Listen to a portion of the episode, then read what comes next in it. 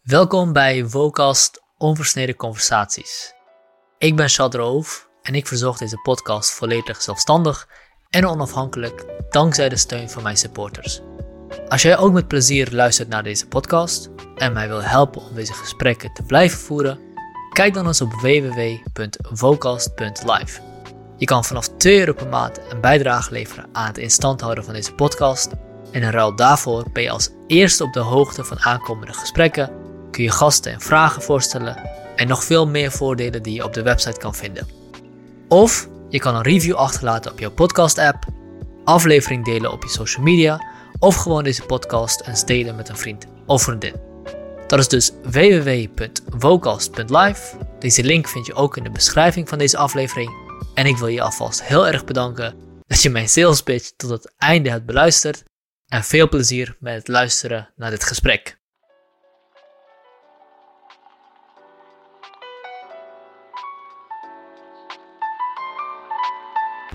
Welkom Roard bij deze podcast. Dankjewel.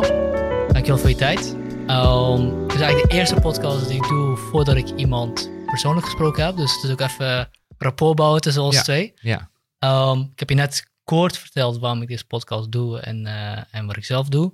Um, misschien is het goed voor de luisteraars ook om te kijken, om even te horen wat jij doet. Uh, we gaan het vandaag over jouw rol als diversity officer hebben, maar je bent niet een diversity officer. Dus um, vertel kort wie je bent en wat je rol als diversity officer inhoudt. ja. Ja, ik doe een paar dingen in mijn leven. eh Diversity Officer er eentje van. En eh, ik ben sinds anderhalf jaar voor de VU dus verantwoordelijk voor eh, alles wat we doen op het terrein van diversiteitsbeleid. In ieder geval op centraal niveau en hoe dat dan doorwerkt in de, in de faculteit, et cetera. Daarnaast, en dat is mijn hoofdtaak op de VU eigenlijk, ben ik decaan van de faculteit Religie en Theologie. We hebben een heel, eigenlijk een interreligieuze faculteit. Dus daarbinnen zit ook alle, alle diversiteit en ook alle spanningen die daar soms bij horen. Ehm, en ik ben daarnaast ben ik lid van de Eerste Kamer. Oh, je bent ook lid van de Eerste Kamer? Ja. Dat heb ik gewoon helemaal gemist. Kijk. Voor welke partij? Of uh, is dat uh, iets al... Uh... Nou ja, het is niet geheim, want Nee, mensen kunnen het allemaal vinden en zo. Het, Ja. ehm, ik ben eh, voor GroenLinks. Eh, wat misschien in dit kader interessant is, is dat ik net de, ehm, eh, benoemd begonnen ben als voorzitter van een parlementaire onderzoeks, onderzoekscommissie. Die gaat kijken naar de effectiviteit van antidiscriminatiewetgeving. Mm. Hoe kan het nou dat wij in onze grondwet en in onze algemene wet gelijke behandeling van alles nog wat zeggen over discriminatie? En dat in de praktijk eh, op allerlei momenten tussen mensen onderling, maar ook in hoe de overheid functioneert, eh, discriminatie gewoon een hele grote rol speelt. Ja. Dus dat raakt allemaal aan hoe ga je in een samenleving om met verschillen tussen mensen. Dat is een goed punt. En dan nemen we er daarmee ook meteen kunnen induiken in, uh, Ja. in de stof, inderdaad. Want ten eerste, wat is diversiteit? Wat is inclusiviteit? Wat is equity? Dat, dat woord wordt, wordt soms ook wel bij gebruikt. Ja. Dat, uh, dat is niet altijd het geval. En um, wat is het inderdaad dat we zien volgens jou? We hebben dus in onze grondwet zit, artikel 1, zit antidiscriminatie Ja. verankerd. Um, we zien verschillen. wat is het Schets, schets het probleem. Schets het probleem voor ons. Ja, niet alles is een probleem. Hè? Uh, laat ik zeggen, diversiteit is om te beginnen gewoon een realiteit. -hmm. uh, mensen zijn verschillend. Ehm, we zien dat nu meer dan vroeger. En we zien het vooral als je kijkt naar culturele en etnische verschillen. Ehm, misschien goed om te vertellen. Ik ben als kind heb ik een aantal jaar in Suriname gewoond met mijn Mhm. ouders. En daar, ehm, mijn schoolvriendjes, die waren van alle kleuren en alle religies, et cetera. En ik kwam terug in Nederland toen ik acht was. En opeens was iedereen om me heen weer gewoon wit en, en uh, protestants. Mm -hmm. Um, dat was best even wennen. Mm -hmm. Omdat voor mij is dus het, dat mensen verschillend zijn een soort van zelfsprekendheid. Mm -hmm. Nou, de laatste jaren noemen we dat dan diversiteit. En uh, wordt het al heel gauw wordt het gezien als, oh, dat is ingewikkeld of bedreigend. Of uh, de, de, de multiculturele samenleving, problemen enzovoorts. Ik denk, het is gewoon, ah, het is gewoon een realiteit. Mensen zijn verschillend. Mm -hmm. Voor een deel zie je dat uh, en voor een deel zie je het niet. Uh, wij zien niet van elkaar uh, op het eerste gezicht vaak uh, wat mensen voor seksuele geaardheid hebben. We zien niet wat voor politieke overtuiging ze hebben. We zien niet wat. Nou, heel veel dingen zie je niet. Allerlei verborgen beperkingen of lichamelijke mentale mogelijkheden. Heel veel diversiteit is onzichtbaar. -hmm. Sommige dingen zie je wel. En uh, nou, daar, daar ontstaan dan ook voor een deel ingewikkeldheden omheen. Um, en wat zijn dan die problemen? Laat ik er een paar noemen, uh, waar we ook op de VU ons beleid rond, rondom organiseren. We zien uh, bijvoorbeeld problemen in gelijke kansen en gelijke rechten. Mm -hmm. We zien dat eh, lange tijd het voor vrouwen ingewikkelder was om een eh, academische loopbaan op te bouwen dan voor mannen. Dat het voor eh, onze studenten met een eh, bijvoorbeeld Surinaams, Turks, Antilliaans eh, eh, achtergrond, Caribisch achtergrond, Naams, Turks, Marokkaans, Antilliaans, eh, dat die veel minder de grootste allochtone groepen. grote Nederland, allochtone ja. groepen.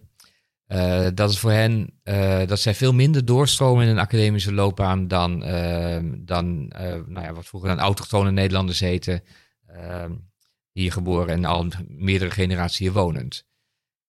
En dat roept de vraag op van hebben die verschillende groepen studenten dezelfde kansen? Hebben die dezelfde rechten? Dat is, dat is één laag waar het over gaat. Mhm. Een tweede, eh, en die wordt soms verward daarmee, dat is dat eh, in de zichtbaarheid en de representatie iets gebeurt. Dat we eh, bepaalde rollen, dat je daar een oververtegenwoordiging zit van, laat ik zeggen, mijn type, hè, witte mannen van middelbare leeftijd. Mhm. Die, nou, dat zijn gewoon nog steeds de baasjes van de wereld, zal ik maar zeggen. Misschien Mhm. kunnen ze het heel goed, dat zou best kunnen. Mhm. Maar misschien spelen andere factoren mee. Ja. En los van of nou, wat, hoe dat nou met rechten zit en de en kansen van mensen, ehm, als rolmodellen is dat heel eenzijdig. Mhm. En wij horen van bijvoorbeeld studenten met een, eh, eh, met een migratieachtergrond, maar ook eh, vrouwelijke studenten, dat het beeld van, van hé, hey, ik zou ook op die plek kunnen zitten, ik zou ook een leidinggevende rol kunnen hebben, ehm, ja, dat dat beeld niet zo sterk is. En dat heeft heel erg met representatie te maken. Mhm. Van, kun jij je identificeren met, ehm, nou, met de mensen die de leiding hebben? Mhm. Politiek gezien met ministers enzovoorts. eh, maar in, de, in een universiteit bijvoorbeeld inderdaad met wie zijn de hoogleraren? Je, noemt, je noemt dus twee dingen. eh, en ook in, Ik heb, ik heb er nog eentje. je hebt er nog eentje. Ja, Sorry. die voeg ik er even toe. want die wordt namelijk heel erg vaak hiermee verward. De derde gaat eigenlijk over het, de ideologie. Mhm. En de hele discussie over dekolonisatie, eh, over de doorwerking van slavernij in onze huidige cultuur, over wat cultuur eigenlijk is, dat is een ideologische discussie. Mhm. En ik vind ze alle drie belangrijk, omdat daar heel veel bias in zit, heel veel van onze vooroordelen. Mhm. Maar het zijn wel verschillende dingen. Dus we, gaan, we zetten ons heel pragmatisch in om eh, studenten van verschillende achtergronden te stimuleren om eh, het beste uit zichzelf te halen. Mhm. Uh, en het kritische, ideologische discussie moet je ook voeren, maar je moet niet doen alsof dat één op één hetzelfde is. Dus je scheidt eigenlijk eh, drie elementen in Ja. dat diversiteitsvraagstuk. Element, heeft iedereen dezelfde kansen? Ja. Eh, en hebben ze dezelfde rechten? Ik zou misschien een kanttekening willen plaatsen dat rechten sowieso iets is wat in de wet vastgelegd zit en niet een praktisch iets is. Maar hij heeft ook morele rechten. hè, Morele dus rechten, dus ja, niet, goed, niet, dat, alles, dat, is, niet alles is ja, dat, is een juridisch. defini- Ja, de- dat is een definitiekwestie die we ja, kunnen misschien voeren, maar misschien ook Sure. hoeft, is het niet nodig. Dus verschillende kansen en verschillende rechten.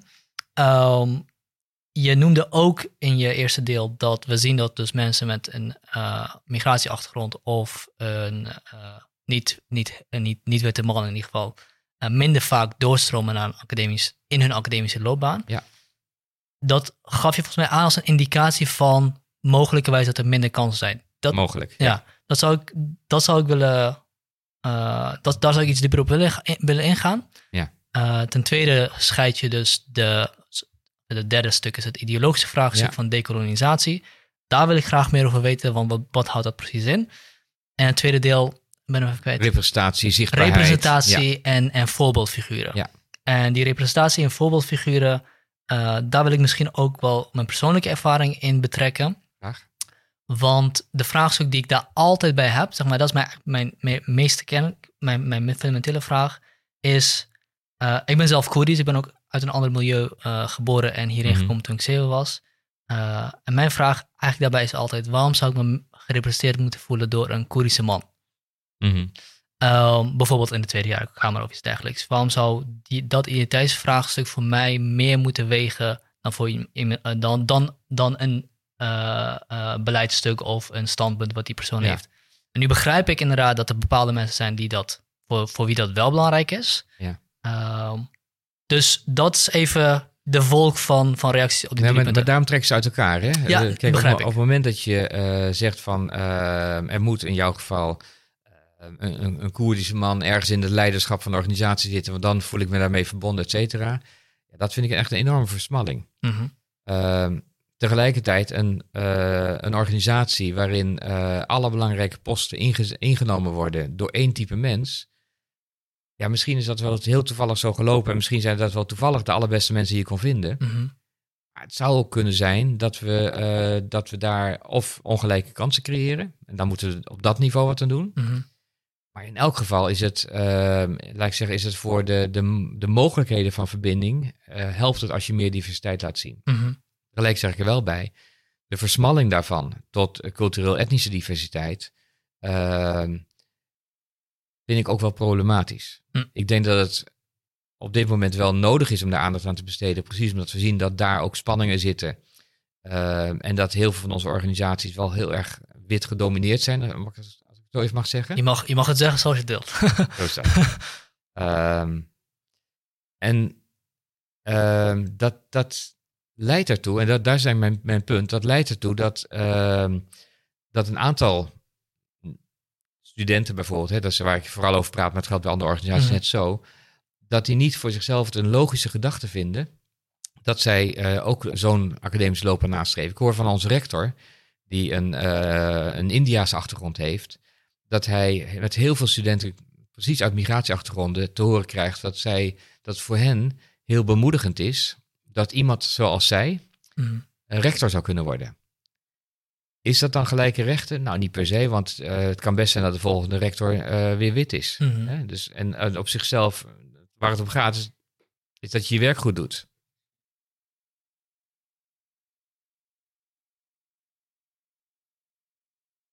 Waar het, Ja. waar, waar het om gaat is dat je optimaal de kwaliteit uit mensen haalt. Mhm. En eigenlijk zou dus die hele cultureel-etnische achtergrond er niet toe moeten doen Mhm. in zo'n organisatie. Maar om het beste uit mensen te halen, is het wel belangrijk dat je denkt van, hé, hey, als vrouw kan ik dit ook. Mhm.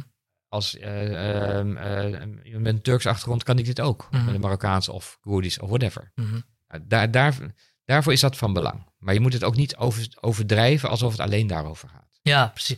Ja, kijk, ik zie hier, ik zie hier twee, twee stringen van gedachten doorlopen. Eh, ten eerste van, hey, je identiteit zou niks voor je uit moeten maken. Je kan alles bereiken wat je wil, ook al is er geen Indiaanse rector. Jij kan natuurlijk de eerste zijn. Eh, en tegelijkertijd zeg je, nou, veel studenten hebben wel die ervaring. Of Ja. Veel studenten zien het wel op die manier. En als wij als eh, beleid of iets dergelijks iets uit hen moeten halen, moeten we daar rekening mee houden. Ja, maar, je- is- ja, ik het zo goed? Ja, zeker. Maar je gebruikt nu het woord identiteit een beetje massief. Mhm. Uh, Lucina Chankai heeft heel mooi geschreven over de vele identiteiten eh, die we hebben, ontelbaar. Mhm. Eigenlijk is wat wij doen met identiteit, eh, en identiteitspolitiek is daar de, de uitvergroting van, Mhm. Dat wij van al die facetten die we hebben, eh, die we als mensen met ons meedragen, je, eh, je culturele achtergrond, je leeftijd, je, je lichamelijke bouw zelfs, hè, of je Mhm. groot of klein bent, dat maakt uit voor hoe mensen op je reageren. Eh, je seksualiteit, je religie, je politieke overtuiging, allemaal aspecten van wie je bent. En met dat hele pakketje kies je op een gegeven moment van welke identiteit schuif ik nou naar voren. En dat spel wat we daarmee spelen, dat spel van de identiteit, van Mhm. eh, ik, ik presenteer me nu vooral als dit of vooral als dat, en- enzovoorts, dat bepaalt hoe effectief we zijn in de wereld. Dus waar we, wat je ziet met mensen van een minderheidsgroepering, Mhm.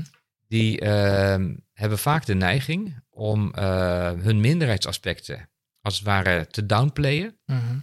En ehm, vooral zich te profileren op de dingen waar ze hetzelfde in zijn. Als de dominante... Als de dominante ja. groep. Want dat vergroot je kansen om goed te functioneren. Mhm. Dus ehm, nou, als ik naar mezelf kijk, eh, het is voor mij, ehm, het ver- verkleint mijn kansen. Als ik mezelf profileer als homoseksueel. Mhm. En het vergroot mijn kansen als ik gewoon functioneer als een normale witte man. Mhm. En dat is niet zo dat ik hardop zeg van, eh, kijk eens, ik zie wel dat ik gewoon een man ben. Maar in de manier waarop ik gewoon functioneer, ehm, is het makkelijker als ik dat naar voren schuif en op de voorgrond zet.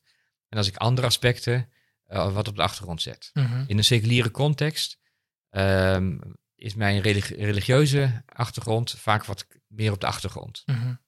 Want dat, nou, en dat identiteitenspel, dat is waar het volgens mij over gaat. Dus als je zegt van mensen met een identiteit, denk ik ja, maar dat identiteit die ontstaat in de wisselwerking tussen een dominante groep, die eh, vaak zegt van hé, maar dit is wie wij zijn en zo, zo, zo doen wij de dingen. En Mhm. als je daar mee wil doen, prima, eh, maar wel eh, volgens onze regels. Mhm.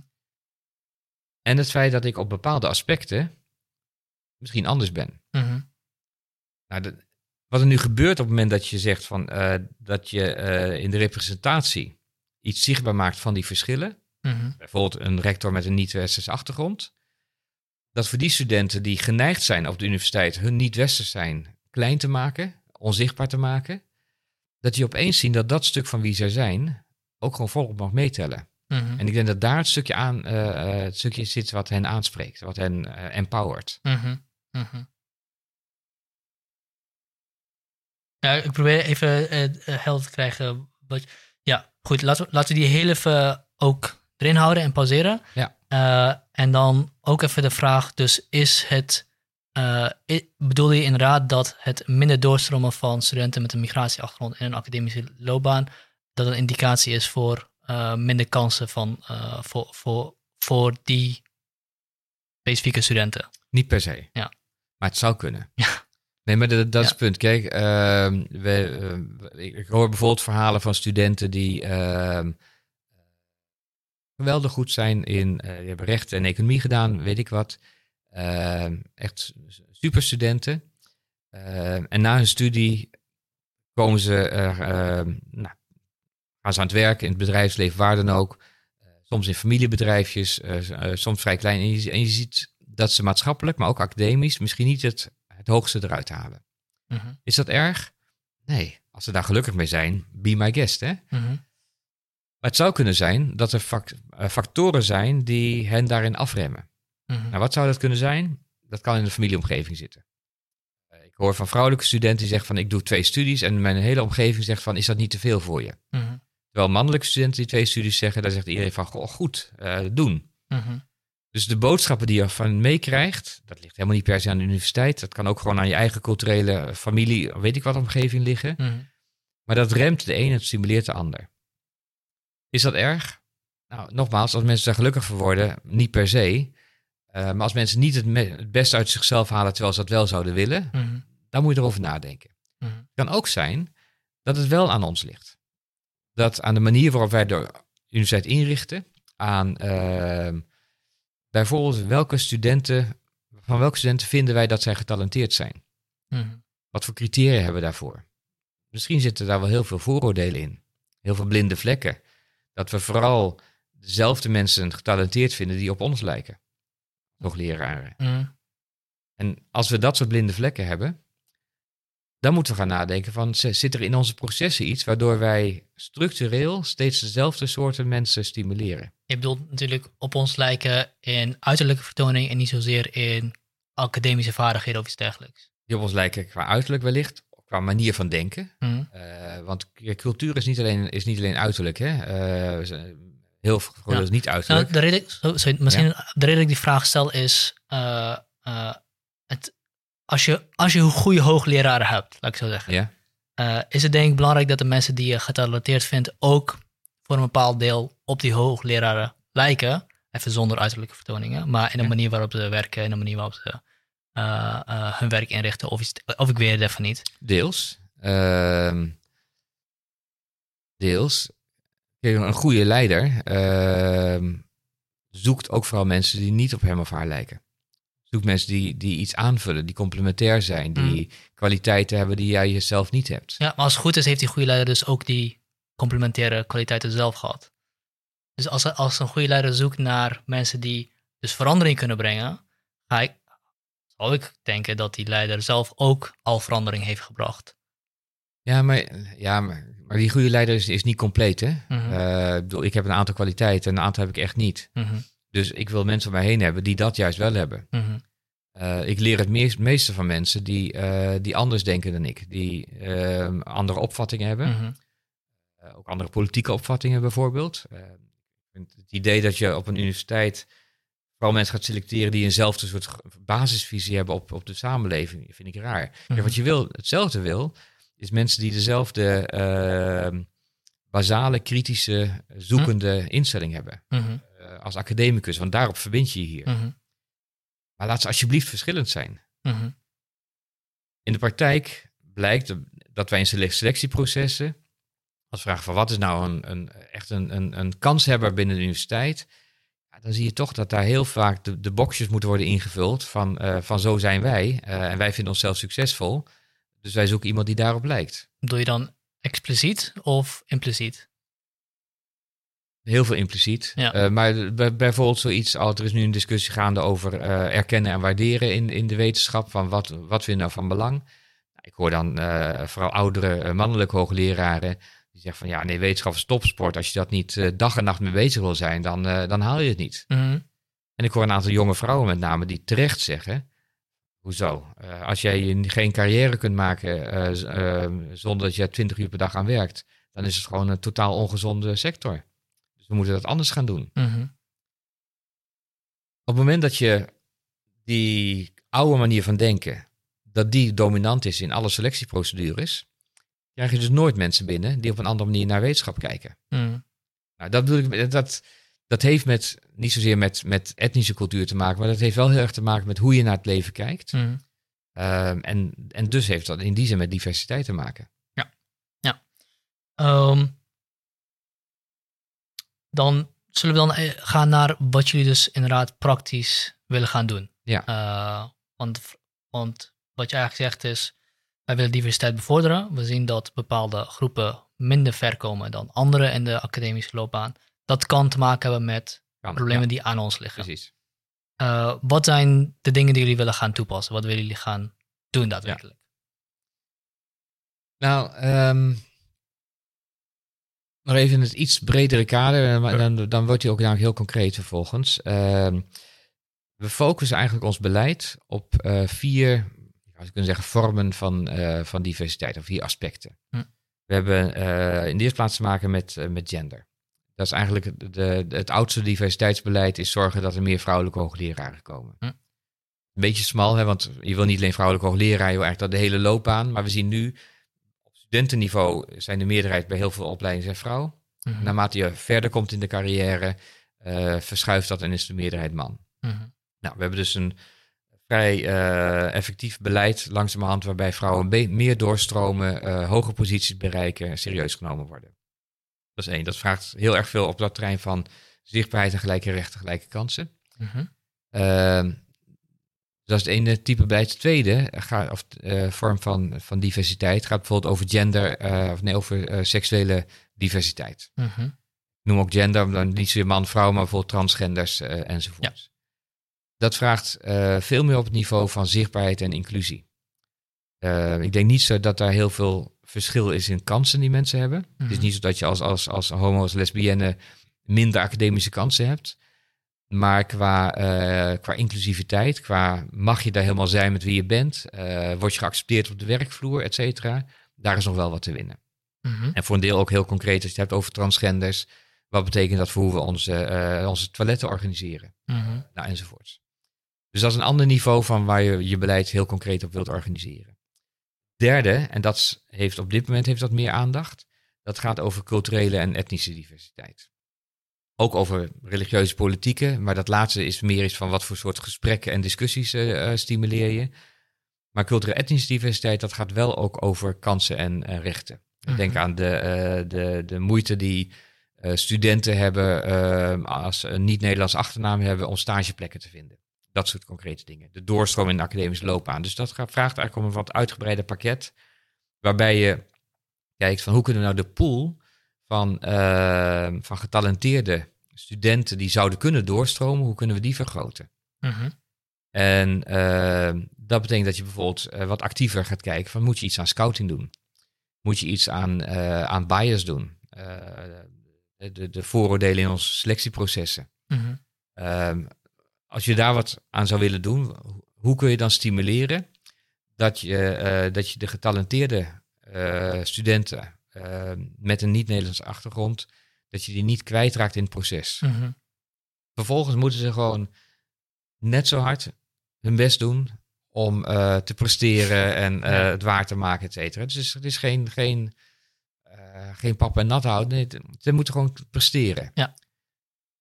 Maar je kunt wel kijken van zijn er nou dingen waardoor wij hen tot nu toe tegen afremmen en kun je dat, eh, kun je dat verbeteren. Het laatste groep waar ik het over zou willen hebben is eh, mensen met, een, eh, met laat ik zeggen, de, de verschillen in mentale en, psych en fysieke mogelijkheden. Mhm. We praten dan gelijk vaak over beperkingen, maar dat vind ik ook al een, een stigmatiserende term. Mhm. maar het gaat bijvoorbeeld over van hoe richt je je gebouwen in? Hoe zorg je ervoor dat mensen met, die bijvoorbeeld heel veel prikkels kunnen verwerken, of mensen die dat moeilijk vinden, dat die allebei op zo'n campus goede werkplekken kunnen vinden. Mhm. Dat is ook een vorm van inclusiviteit en diversiteit die, uh, die erbij hoort. Een totaal andere vorm van beleid dan die, die kansenbeleid. Ja, ja. Um, ik vind het leuk dat je zegt, uh, um, ook zij moeten gewoon keihard werken, want ik weet dat dat een veel gebruikt tegenargument is tegen diversiteitsbeleid. Ja, ja dan krijg je... Dan ben, dan, ben je, dan, dan, heb je die positie als vrouw en heb je het gewoon gekregen. Dat voelt toch ook voor niemand lekker. Um, en ik, ik denk dat dat een een niet, een geen, goed, geen goed argument is tegen, tegen dit, dit soort beleid. Want ik begrijp natuurlijk dat iedereen wil de beste mensen echt hebben. De vraag is dus alleen, wat houdt de beste in? Dat is een, ja, dat is de vraag. Dat is, een, uh, dat is, dat is de discussiepunt die zou moeten zijn. Wat is de beste? Um, dus vier, vier, uh, vier, vier categorieën, categorieën ja. waar, je, waar je beleid op wil voeren. Op gender, op LGBTQI. AP, et cetera. ja. Uh, op uh, etnische diversiteit en op uh, lichamelijke mogelijkheden, lichamelijke, en mentale mogelijkheden. Ja, lichamelijke en mogelijke, lichamelijke en mentale mogelijkheden. Um, en één ding wat je zei was, moeten we ergens bias weghalen? Mo moeten jullie dat? Hebben jullie dat ergens? Oh, waar zijn jullie? Iedereen heeft bias. Ja. Hè, dus um, ja. Um, en met name omdat we daar veel van leren omdat op het moment dat je, uh, dat je uh, de bias weglaat en dus uh, meer variatie in je, in je teams krijgt, hmm. heb je meer mogelijkheden om dingen te gaan ontdekken die je nog niet wist. Je komt uit je echoput en, en dan staat veel meer variatie. Dus dat gaat ook over verschillen van denken. Hmm. Ik vind, wat je eerder vertelde over je podcast, ik vind het heel interessant om met mensen te praten die, die in zekere zin verder van mij afstaan. Hmm. Daar leer ik veel meer van dan mensen die dezelfde dingen zeggen die ik ook zelf kan bedenken. Hm. Dus voor mij gebeurt daar iets goeds. Je, moet het, uh, je hebt een aantal basisvermogens nodig. Dus uh, de, de, de, met name die kritische houding, het uh, debat aangaan, de wil om, om verder te zoeken. Ik bedoel, dat is in, de, in deze tak van sport hebben we dat met elkaar nodig. Dat is wat we hier doen. Mm -hmm. Daarbinnen, ja, hoe, hoe, hoe, meer mensen anders tegen het leven aankijken, hoe interessanter het wordt. Mm -hmm. Mm. En dat, uiteindelijk is wat dat betreft volgens mij diversiteit uh, dienstbaar aan je academische kwaliteit. Twee manieren. Het zorgt ervoor dat je geen mensen kwijtraakt die eigenlijk heel erg getalenteerd zijn. Uh, en die dus wijs willen hebben. En het tweede, het zorgt dat je meer inzichten krijgt dan wanneer, dan wanneer je in je eigen echopus blijft. -hmm. Nu noem je vier categorieën uh, maar ik hoor geen categorie over verschillende levenswijzen of verschillende manieren van denken. Nou, ik, ik noemde bij culturele achtergrond, noemde ik, uh, het gaat dan ook bijvoorbeeld over uh, religieuze en levens, levensschouwelijke verschillen. Voor mij horen politieke verschillen daar dan ook bij, hè, want mm -hmm. dat raakt dan vaak door aan hoe je dan tegen de samenleving aankijkt. En op dat punt denk ik dat we, dat het vooral interessant wordt om te kijken van hoe je dat debat meer kunt stimuleren. Dus dat gaat niet zozeer over uh, gelijke rechten misschien per se. Mm -hmm. Het gaat wel heel erg over, uh, hebben we een open debatcultuur waarin we met elkaar ook elkaar scherpen? Mm -hmm. oh, ik denk, ja, tuurlijk, dat debat moet je inderdaad altijd blijven voeren. Die moeten altijd open zijn. Maar wat ik bedoel is, uh, wat, je lijkt te, wat ik lijkt te horen, is dat als je zegt, als je een bredere of een grotere diversiteit binnen die groepen hebt, dat dat ook leidt tot meer diversiteit in denken vanzelfsprekend. En dat, dat zou ik willen betwijfelen. Nee, niet als je, als je, nee, zeker. Niet ja, één door één. Ja, want als, als je zegt, we willen ook meer diversiteit in denken, ja. dan heb je denk ik nog een extra categorie nodig. Want ook verschillen in religies, ja goed, de manier waarop je het invult, maar religieus denken kan heel veel raakvlakken met elkaar hebben. En ik, ik ben zelf atheïst, maar ik kan met veel religieuze mensen kan ik het veel beter vinden dan veel, met veel atheïsten. Omdat, nou, dat is een andere discussie, maar... Nee, maar, nee, maar laat, laat, ik zo zeggen. Kijk, uh, ik zei net, mijn, mijn faculteit is heel uh, religieus veelkleurig. Mm -hmm. uh, en niet alleen omdat we hier met boeddhisten, hindoes, moslims, joden, christenen van allerlei slag werken. Mm -hmm. Omdat daarbinnen je zowel de orthodoxe conservatieve stemmen als de heel vrijzinnige stemmen hebt. Mm -hmm. En dat verschil is denk ik groter soms dan uh, de verschillen tussen twee religies. Zeker. Ik, eh, vol- volgens mij is het ook eh, onderzoek gebleken dat de, groepen, dat de verschillen binnen groepen vaak groter zijn dan de verschillen Ja. tussen groepen. Ja. Ook zeker omdat eh, groepskenmerken niet één op één te vertalen zijn naar individuen binnen die groep. Ja. Uiteraard. Ja. Nee, dus de, eh, kijk, dat- dat, verschil, gewoon binnen mijn eigen faculteit, dat, dat levert gewoon hele belangrijke vragen op in discussies. Bijvoorbeeld over, ehm, eh, ook over hoe je, hoe je seksuele diversiteit waardeert. Mm. Dus vrijzinnigen zeggen, prima, doen. Eh, gewoon wees jezelf enzovoort. De meer orthodoxe stemmen zeggen, ja, maar wacht even. In onze traditie wordt dan juist gezegd dat dit of dat niet de bedoeling is. Mhm, Het schuren daartussen, ja, daar wordt het spannend. mhm, En ehm, mijn, ehm, laat ik mijn, mijn werkmotto voor, eh, voor dit jaar als, als decaan is... eh, we moeten elkaar af en toe op de stenen staan. eh, maar laten we dat een beetje vruchtbaar doen. Want we kunnen ontzettend veel leren van die moment dat we bij elkaar op de tenen staan. Maar dan moet je wel het gesprek aangaan. En dan moet je wel eh, de ingewikkelde vragen stellen. En dan moet je wel wat we op de vuur noemen courageous conversations starten. Mhm. Gewoon echt proberen elkaar te bevragen, maar wat betekent dat nou? En waarom zit jij er zo in? Binnenkort een debat over Israël-Palestina. Mhm. Eh, en niet vanuit de puur politieke vraag van wat zouden wij daar in Nederland van moeten vinden. Maar veel meer, wat betekent het nou dat je als academicus betrokken kunt zijn bij zo'n conflict? Dat dat raakt aan, aan je, misschien wel je vriendschappen, je familie, wat dan ook. Maar dat het ook raakt aan je basisvisie of wat rechtvaardigheid eigenlijk is. En hoe je, nou, weet je, al dat soort dingen. En tegelijkertijd, je bent een academicus. Hoe, eh, hoe werken jouw politieke standpunten door in je academische werk? Mhm. Uh, moet je dat loskoppelen van elkaar? Ben je als academicus helemaal neutraal? Of zeg je nee, ik ben juist geëngageerd? Nou, die vragen, ja, daar organiseren we dan de dialoog over van wat, wat voor soort academie willen we eigenlijk zijn? Mhm. Mhm. Maar ik noem het dus niet per se ander diversiteitsbeleid, ehm, omdat het wel eens heel wezenlijke eh, discussiepunten zijn die aan dat ideologische niveau raken. En het decolonisatie-idee. dus, Bijvoorbeeld. ja. Bijvoorbeeld, hè, dat, is een, dat, is, Ja. dat is een ander thema wat eigenlijk in, die- in die categorie ook valt. Ehm, maar dat daar veel minder die, dat punt speelt van gelijke rechten, gelijke kansen eh, enzovoort. Ja. Maar in het bredere, op dat punt is het ook, ook een, een aspect. Ja. Zullen we daarmee een sprong maken naar het decolonisatievraagstuk? Uh, leg uit, wat, wat, Ja. wat, wat betekent dat? Ja, ik ben een paar jaar geleden, was ik nog, was ik nog geen eh, diversity officer, ben ik dus begonnen om die vraag ook te agenderen. Ehm, voor een deel omdat ik in, ehm, ik kom regelmatig in Indonesië en Zuid-Afrika, veel Mhm. contacten daar. Ehm, in Zuid-Afrika zijn ze- heel erg bezig met die vraag van eh, hoe decoloniseer je de universiteit. Ehm, ik las eh, van een nieuwe universiteit die ze aan het oprichten waren op Mauritius, eh of all places, waar ze zeiden van als we dan toch nieuw beginnen, eh, kunnen we dan ook eh, op een decoloniale manier naar ons systeem kijken. En wat Mhm. betekent dat dan? Mhm. Eh, dus, ehm, we weten dat kennis heel erg is gedefinieerd altijd vanuit, in ieder geval de laatste paar eeuwen, vanuit het Westen, Europa, laat Amerika erbij. Maar wat als we nou serieus nemen dat de wereld veel groter is? En dat machtsverhoudingen die ook in die kennisproductie en verspreiding een rol spelen, dat we die willen openbreken. Mhm. Nou, dat denken intrigeert mij. En ehm, ik ben vandaar ook de vraag, heb ik dus op tafel gelegd, van wat zou het betekenen als wij de VU willen decoloniseren?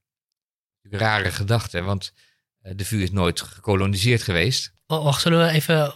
Die definitie van decolonisatie is dus opnieuw kijken naar. Even kijken. Opnieuw kijken naar eh, hoe eh, kennis gewaardeerd wordt. Dus laten we even praktisch. la- even bij de theologie of bij filosofie. Ja, Zou, je- zou je opnieuw gaan kijken naar de kanon bijvoorbeeld? En je afvragen. dat, is, dat is een aspect. Ehm, kijk, een universiteit is een plek waar, ehm, waar k- kennis wordt ontwikkeld, doorgegeven, eh, vormgegeven eh, Hmm. enzovoort. Eh, dat is per definitie ook een machtsvraag. Mhm. Ehm, want het gaat ook over het reproduceren van eh, wie de elites zijn en eh, al die dingen meer. Hè? Dus dat, dat, die dingen werken in elkaar door. Het is van belang om juist ook van, vanwege je academische integriteit na te denken over de vraag van hoe die zich tot elkaar verhouden, die kennis en die macht. Mhm. Nou, wat wij nu doen, is dat we eh, beginnen na te denken over ehm, als we beseffen dat in de afgelopen eeuwen daar, eh, dat die machtsverhouding heel sterk, ehm, laat ik zeggen, is, is ondersteund door eh, ook de structuren van universiteiten. Mhm. Ik neem maar bijvoorbeeld van Zuid-Afrika weer. Daar is de apartheidsstructuur. die is ook via de universiteiten vormgegeven. Een van de, een van de instrumenten Mhm. die bestond, politiek gezien Ja. bestond, om dat Ja. uit te werken. Dus je bent als universiteit altijd ook deel van die maatschappelijke verhoudingen en de druk, et cetera. Ja. Wat, wat betekent dat nou voor ons als we daar kritisch naar kijken? Ik denk dat het belangrijk is inderdaad om te beseffen dat eh, de wetenschap vaak genoeg aangewend is voor politieke doeleinden. De slavernij werd bijvoorbeeld eh, eh, het- concept van frenologie, dus dat er de schedel eh, voor me iets te zeggen hebben over je intelligentie en dergelijke. Eh, de holocaust was natuurlijk een eh, wetenschappelijk of een, eh laten we zeggen, Bijvoor- bijvoorbeeld, heel goed ingericht. Dus maar ja, het zit veel meer front. Hè? Waarom zijn er tal van onderzoeken gedaan, wetenschappelijke onderzoeken, naar het ontstaan van homoseksualiteit? En voor zover ik weet, niet naar het ontstaan van heteroseksualiteit. Ja. Ehm, dat, heeft, dat is, dat is, ja, dan, dan, met die vraag leg je dus eigenlijk neer dat het dus een politiek vraagstuk is welke Ja. onderwerpen je gaat onderzo- onderzoeken of iets dergelijks. Want Ja. mijn eerste reactie die ik wilde geven op je vraag was, ja, omdat homoseksualiteit is iets is waar mensen op een gegeven moment mee geconfronteerd worden en ze gingen afvragen, wat is dat dan? Maar daarmee leg je dus gelijk al bloot, oh ja, maar Precies. met heteroseksualiteit dus niet. Ja. Precies, ja. Dus, eh, en dat zijn van die, van die eh, laat ik zeggen, min of meer ver- verborgen processen die daar een rol in spelen. Hè? Mhm. Nou, ehm, in Zuid-Afrika ehm, en andere landen, maar ik noem dat maar even als voorbeeld dat ik het beste ken, daar stelt men dus die vraag om te zeggen, oké, als we nu eens even niet vanuit een eurocentrische benadering naar de wetenschap kijken, Mhm. maar beseffen dat wij hier in Afrika leven. ehm, en eigenlijk opnieuw die universiteit moeten uitvinden. Mhm. Als een, ook als een Afrikaanse eh bezigheid. Wat betekent dat dan? Dat wil niet zeggen dat ze eh, daarmee afstappen van een, eh, een academisch concept als waarheid of wat dan ook. Dat is helemaal niet aan de orde. Maar wel dat je nadenkt van hoe nou macht en kennis door elkaar werken. Mhm. Dat speelt in Nederland anders. Want wij zitten niet aan die kant van, eh, laat ik zeggen, degene die gekoloniseerd zijn geweest. Zuid-Afrika is nooit helemaal gekoloniseerd geweest. Dat was een andere vorm. vorm. Eh, maar we zitten aan de kant van, laat ik zeggen, de, de, de Europese ja, klassieke traditie en klassieke macht. Als wij daarover nadenken, dan moeten we veel- meer gaan nadenken van wat zit nou in, on- in onze processen, waardoor eh, eenzijdigheden van kennis ontstaan, Mhm. waardoor ehm, de, eh, onze internationale samenwerking bijvoorbeeld ook eh, allerlei vormen van ongelijkheid ehm, in stand houdt en reproduceert. Mhm. En dat betekent dat je bijvoorbeeld de vraag moet stellen, als wij nou studenten werven internationaal, ehm, hoe doen we dat dan? Gaan wij eh, als een soort eh sprinkhanenplaag, want wij zijn niet de enige universiteit die dat doen, alle westerse uni- universiteiten doen dat. Wij gaan naar alle landen waar je een opkomende middenklasse hebt. En waar mensen met geld hun kinderen graag kennis willen laten bijbrengen. En die, die zuigen we allemaal naar, eh, naar Europa en Amerika toe. Mhm. Die betalen allemaal forse tuition fees. Mhm. Eh, en daarmee houden we onze universiteit in stand. Mhm. Leuk voor de individuele student hoor, niks mis mee. Leuk voor onze universiteiten. Maar wat hebben die andere landen daarna aan eh, als dat leidt tot een enorme brain drain? Want ook dat gebeurt. Ja, dat, deze vraag had ik ook. Dat, dat dacht ik hetzelfde bij ook eh, bedrijven die heel veel talent hierheen halen. Ja. Eh, maar wat mij, en dit, dit heb ik niet meer gecontroleerd, maar wat mij verteld is dat dat heel voordelig is voor de landen, want die gaan na vier, vijf jaar terug met een heel hoop nieuwe kennis. Dat is, dat is het verhaal. Ehm, een belangrijk deel daarvan. Ehm, dus de vraag is of dat inderdaad gebeurt. Of dat Mhm. ze inderdaad, eh, omdat hun kansen, ehm, als ze hier komen, uiteindelijk gewoon hier veel groter zijn dan als ze teruggaan. Mhm. En dan heb je dus wel een brain drain. Mhm. Dus de vraag is van, hoe doe je dat nou? Je kunt het op verschillende manieren doen.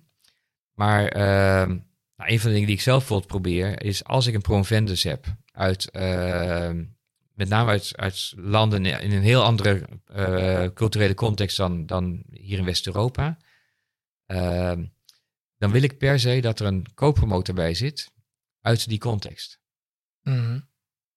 Ik begeleid bijna altijd projecten die gaan over, eh, ook over cultuur, identiteit, religie, et cetera. Dus ik, ik vind die lokaliseringen belangrijk. Maar ik vind het ook belangrijk om meer gelijkwaardigheid op te bouwen. En niet te doen alsof wij hier de, de norm zijn van de kennis. En een student uit Ghana of Nigeria of Indonesië ehm, eigenlijk daar het losgepeld moet worden. Hier kennis komt ophalen en dan weer terug mag. Mhm. Nee, ik wil dat in gelijkwaardigheid opbouwen. En, en in, in, in wederzijdsheid. Mhm. Als we nadenken over open access, een van de aardige dingen daarvan is dat nu mensen uit Cameroen En uh, Bangladesh, dat die onze publicaties kunnen lezen, want ze hoeven niet meer eerst 200 euro te betalen voor een tijdschrift. Mhm. Top. Mooi idee. Maar als we het zo organiseren dat uh, je dus als auteur of als universiteit betaalt om te publiceren, dan betekent dat dat voortaan, hier regelen wij dat wel, hè? mijn universiteit betaalt mijn publicaties. Mhm.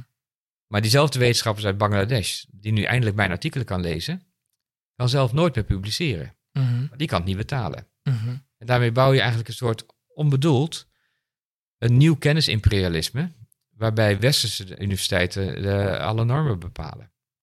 Ja. Dat soort vragen spelen voor mij een rol als je het hebt over dekoloniseren. Ehm, Je noemt nog de kanon, daar moeten we ook nog even over hebben zo. ja, misschien moeten we dat, ja, ja, ja, laten we dat wel doen inderdaad. Want je zei, we moeten gaan kijken of onze kennis eenzijdig is. Eh, is onze kennis eenzijdig? Zeker. Ja, waarom?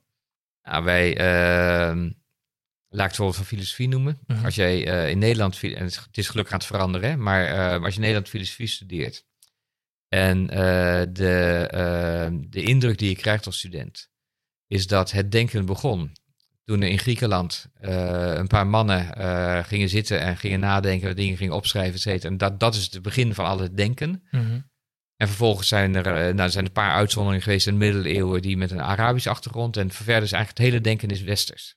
Als dat jouw, jouw referentiekader is, dan denk ik dat je een hele beperkte opleiding hebt gekregen. Mhm. Eh, alsof er niet in India ook wel eens is nagedacht. En in Mhm. China, eh, waar eh, enorm rijke denkculturen zijn. Mhm. En heel andere manieren van benaderen van de werkelijkheid en van de kosmos, et cetera. Mhm.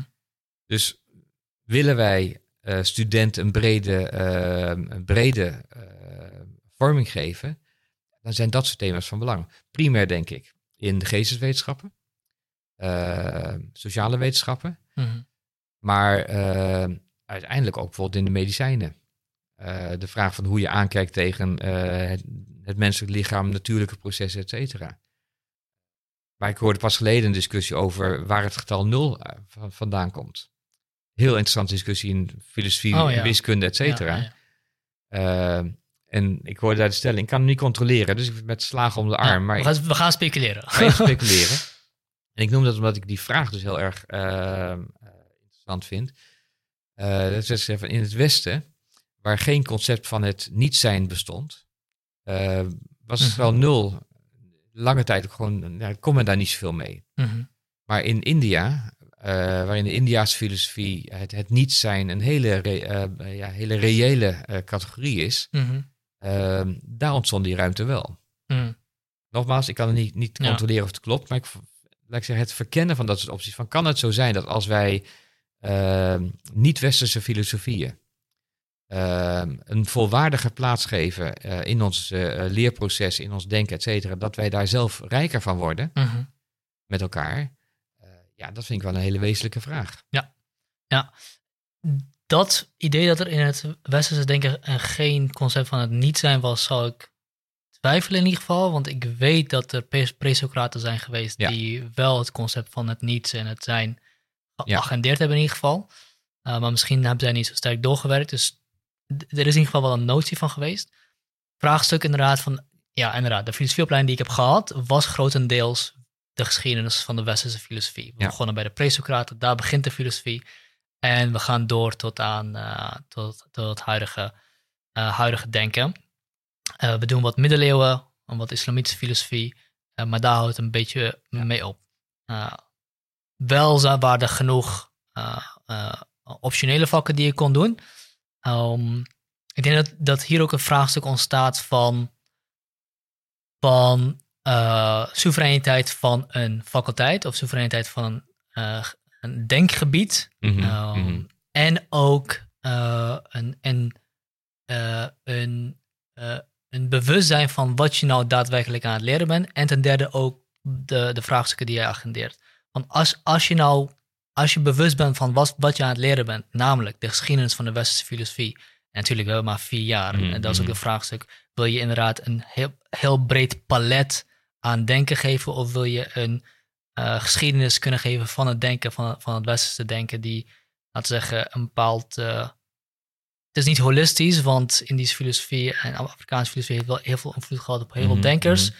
Maar goed, laten we even ervan uitgaan dat die mensen, de- de geschiedenis van de filosofie zijn vooral mensen die op elkaar reageren en zo het denken van de westerse filosofie hebben uh, geëvolueerd.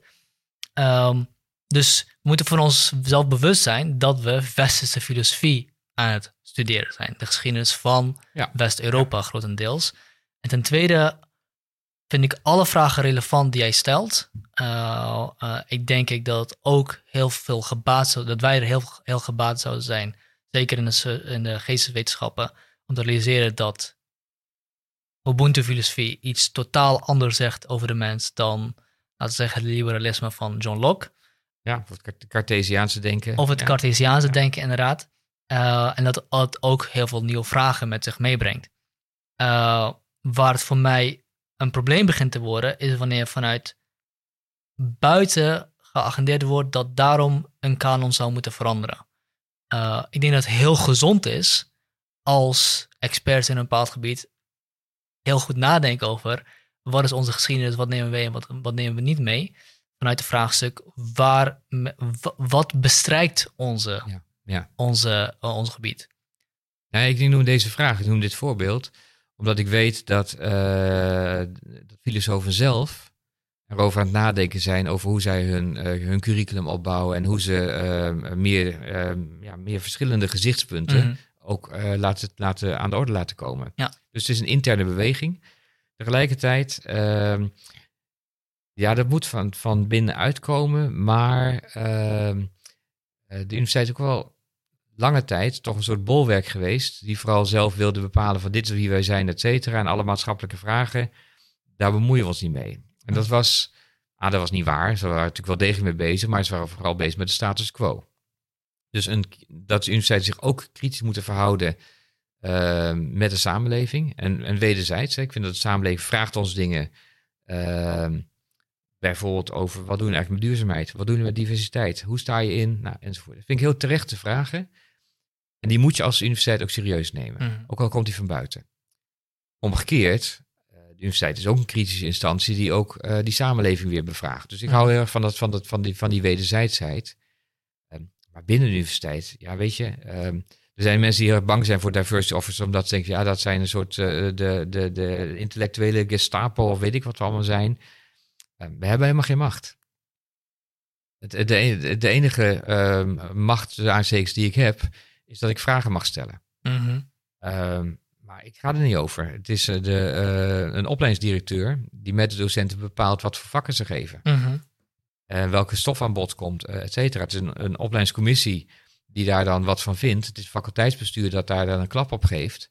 Ehm, en de visitaties die daar naar kijken. Dus het is niet zo dat we als diversiteitscommissie zeggen van, goh, nu moet je, wat we wel doen is om te zeggen, als je nou, als je diversiteit belangrijk vindt, ehm, dan zou je kunnen kijken naar de doorstroom van je studenten. Je zou kunnen kijken naar het curriculum. Als je wil weten hoe je curriculum onder, onder de loep kunt nemen, het gaat niet om, om schrappen, weet ik wat, het gaat om waar kun je balans vinden. Mm kunnen misschien helpen om tools te ontwikkelen waarmee je naar je eigen curriculum kunt kijken. Maar het is vooral jullie verantwoordelijkheid. En wij ondersteunen dat. Mm. Mm. Dus uh, jullie hangen erbij en jullie stellen de, de, moeilijke vragen om mensen de richting op te niet duwen. Sorry, dan, daarmee geef ik je misschien veel macht. ik, ben, ik, ben, wel van het, uit, van het uit, uitdagen uiteraard. Hè? Ja. Maar dat is, dat, is een, dat is een, rol die ik speel. Um, ja, ik, ik, ik, ik... En wat voor zijn jullie al op het punt? Want ja? Uh, we hebben nog even. Uh, zijn jullie op het punt dat jullie ook specifieke adviezen hebben om te geven? Of niet?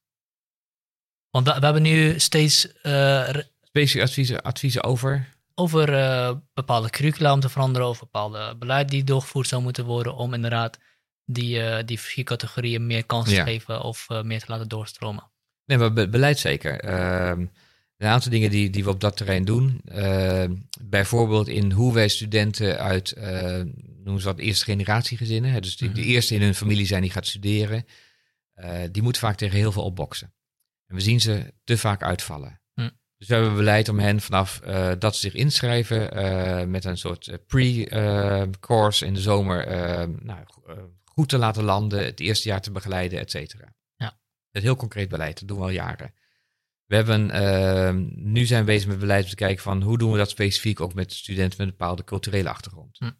Kunnen we ervoor zorgen dat die, uh, de getalenteerde groep daarvan, dat die ook echt uh, de mogelijkheid overweegt om uh, door te willen stromen. PhD-trajecten, et cetera. Dat is heel concreet beleid. Als het gaat om, om curricula, we zijn nu bezig om naar zo'n tool te kijken. dus dat is echt een, een vrij nieuwe stap. Mm er is zelfs eerder een soort curriculumscan geweest. We zijn eigenlijk kijken, kun je dat structurele doen?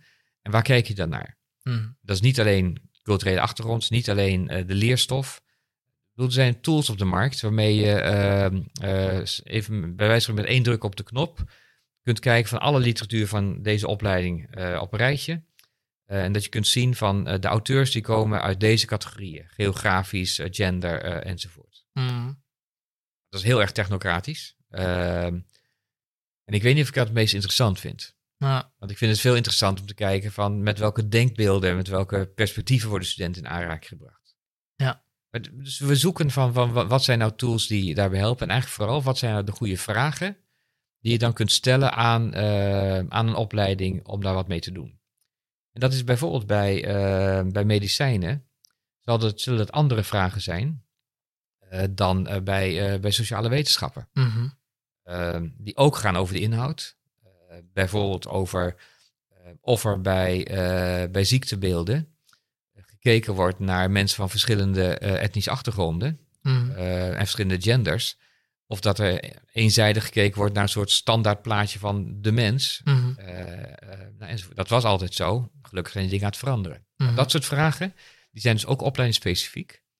en we proberen daar te kijken van, van hoe, daar zijn we nu in het ontwikkelfase. welke vragen zou je er moeten stellen om daar goed beeld op, goed zicht op te krijgen? Ja, wat, uh, wat, wat, hoe ziet succes voor jullie eruit? Hoe ziet succes voor, voor de Diversity Office van de VU eruit? Wat mij betreft als, uh, als mensen die zich nu afgeremd voelen, zich meer gestimuleerd voelen. Hm. Dat, dat is denk ik één. Ehm, als de inclusiviteit toeneemt. Dat is een ander begrip. Het is de maat van verbondenheid die mensen ervaren. Hm. Ehm, en dat schuurt ook met elkaar. We hebben ook een groep studenten die zegt van ja, ik voel me juist minder verbonden met de VU, omdat er zoveel diversiteit is. Hm. Eh, ik vind dat ingewikkeld. Nou, dus daar zijn we ook aan het kijken, wat betekent dat voor je? Um, kijk, er is niet een punt dat je zegt van nou, nu zijn we klaar. Hm. Want een, uh, een wereld die divers is, is, gewoon een realiteit met hele leuke mogelijkheden en uh, extra's en weet ik wat ook met ingewikkeldheden. Mm. En dat zal altijd blijven. Ehm, en er komen weer nieuwe vormen van diversiteit. En dus, dus dat is nooit klaar. Maar ik denk dat succes voor mij is als, ehm, als eigenlijk het, het oog hebben voor de verschillende mensen een standaard onderdeel is van, eh, van ons beleid. Hm. Bijvoorbeeld ook bij corona. Uh, toen corona begon, een van de dingen die we als office gedaan hebben, is al gezegd, laten we nou eens in kaart brengen wat de effecten van corona kunnen zijn op verschillende groepen mensen. Mhm. En niet van zeggen van, hé, hey, jij bent groepje A, dus je, bij jou werkt het zo. Mhm. Maar veel meer wees je nou bewust van. Bijvoorbeeld als jij uh, sociaal-economisch het goed hebt, als je een groot huis hebt uh, met drie computers en weet ik het allemaal, dan kom je zo'n lockdown wel door. Mhm. Maar woon je op een klein flatje met een gezin met vijf kinderen, met één laptop die met z'n allen moet delen, die het af en toe doet, slecht internet, ja. Je moet dan allemaal op de keukentafel, uh, ja, weet je. Ja, belangrijk om te benoemen dat dat ook gewoon realiteit is voor Nederlanders. realiteit. We hebben dus gezegd tegen de opleidingen van, en tegen de, de diensten van let erop, jouw medewerkers en je studenten, die kunnen hier en hier en hier tegenaan lopen. Mhm. dus we, zijn, we zijn ook een soort blik van, van, uh, van uh, denk eraan dat die diversiteit er is. Mm. Vervolgens zien we gebeuren dat de, de diensten die over alle gebouwen gaat, dat die uit zichzelf ook aan het nadenken is, is inmiddels van sluiten of openstellen van gebouwen. Voor wie heeft dat welke effecten? Hm? Daar ben ik heel blij mee, omdat ik denk van uh, die dat oog hebben voor het verschil tussen mensen.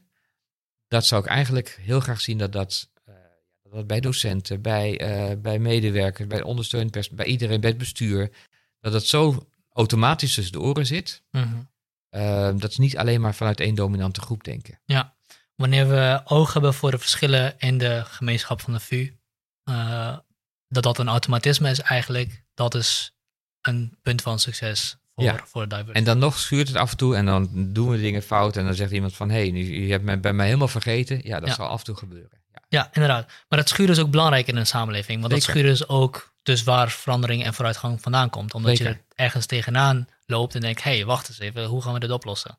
Als want- dat tenminste je, je reactie is, hoe gaan we dit Ja, maar wat je wel ziet gebeuren, en eh, vorig jaar vond ik dat heel treffend rond eh, Black Lives Matter. Eh, vandaag de dag zie je dat eigenlijk, laat ik zeggen, de manier waarop mensen reageren op het woord diversiteit, soms Mm. heel negatief, dat er een enorme polarisatie optreedt. En dan werkt het niet meer. Mm. Dus ik vind dat het onze verantwoordelijkheid als, als organisatie is, ook als universiteit, om, om dat in zekere zin voor te zijn Mhm, om te zeggen van wij zien dat die, eh, die spanningen er zijn. We gaan niet omheen praten, die zijn soms best ingewikkeld. We moeten daar wat, wat mee doen. mhm, We gaan niet wachten totdat studenten of medewerkers dat die op de barricades gaan en zeggen van hé hey, universiteit, jullie moeten gaan veranderen. mhm, Nee, wij zien het zelf ook dat het een probleem is, op sommige punten. Laten we vooral met elkaar kritisch kijken. En dan mag je mij ook op aanspreken dat ik misschien dingen niet zie, omdat ik vanuit mijn eigen machtspositie ook eh, blinde vlekken heb. Maar ik wil in ieder geval mijn positie gebruiken om dat gesprek mogelijk te maken. Mhm. Dus laten we niet wachten totdat het afgedwongen wordt. Laten we gewoon met elkaar beseffen dat het gewoon altijd dilemma's en ingewikkeldheden aan zitten. Ik denk dat de discussie rond diversiteit ook nog eh, meer bemoeilijkt wordt, omdat het een woord is die heel veel dingen kan betekenen. Ja. En op heel veel manieren ingevuld kan worden. Ehm, dus je hebt, la- laten we het even heel plat staan, slaan, hè? de goede vorm van diversiteitsbeleid en de slechte vorm van diversiteitsbeleid. En dan heb je ook nog eens twee verschillende reacties van mensen. Mensen die daar bang voor worden of daar tegenop, eh, tegenaan boksen. En mensen die daar heel blij van worden. En die reageren ook soms op het. Dus ik, ik reageer wel eens op diversiteitsbeleid waarvan ik denk, ja, dit is niet goed. En dat kan dan lijken alsof ik tegen het idee van diversiteit Mhm, in het mhm, algemeen mhm. tegen aan het opboksen ben. Maar, dus je hebt deze, zo'n soort van matrix die, waarbij je heel goed moet opletten en heel goed van elkaar moet scheiden. Wat ben je nou precies aan het doen? Ben je tegen het idee van diversiteit in het algemeen aan het opboksen en wil je gewoon niet dat dingen veranderen?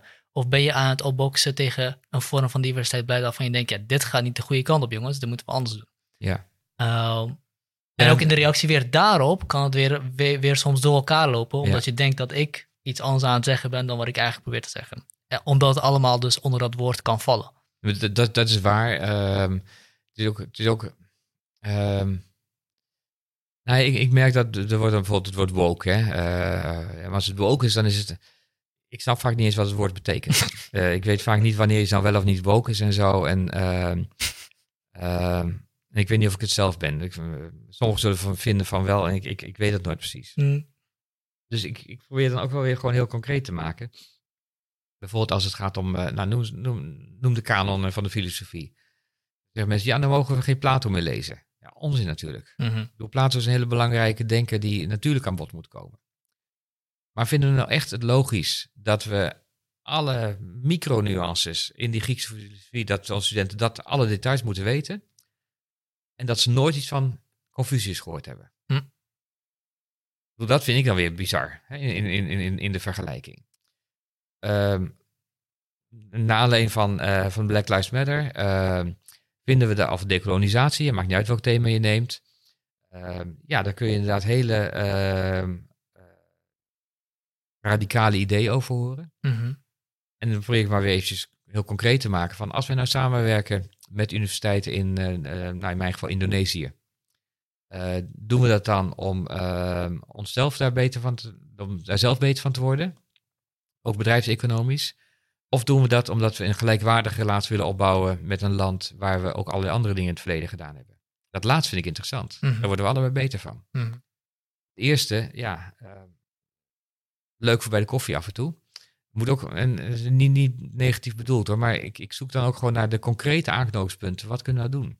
Ik vind het doodzonde als wij getalenteerde studenten hebben die, eh, die denken dat eh, de universiteit niet hun toekomstplek is. En die we daardoor kwijtraken. Terwijl ze, eh, nou, de, de, kijk naar de, eh, eh, de ontwikkelaars van, de, eh, van de vaccins die we hebben. Mhm. Eh, de, de Duitse, Duits-Turkse paar volgens mij. Mhm. eh, die spelen daar een hele, hebben daar een hele belangrijke rol in gespeeld. Mhm. Ehm, stel nou voor dat we gezegd hebben van nee, die, die, in, in ons systeem passen die niet, zijn niet doorgedrongen. Doodzonde. Wil graag die talenten wil ik zien. En heel concreet, heel pragmatisch.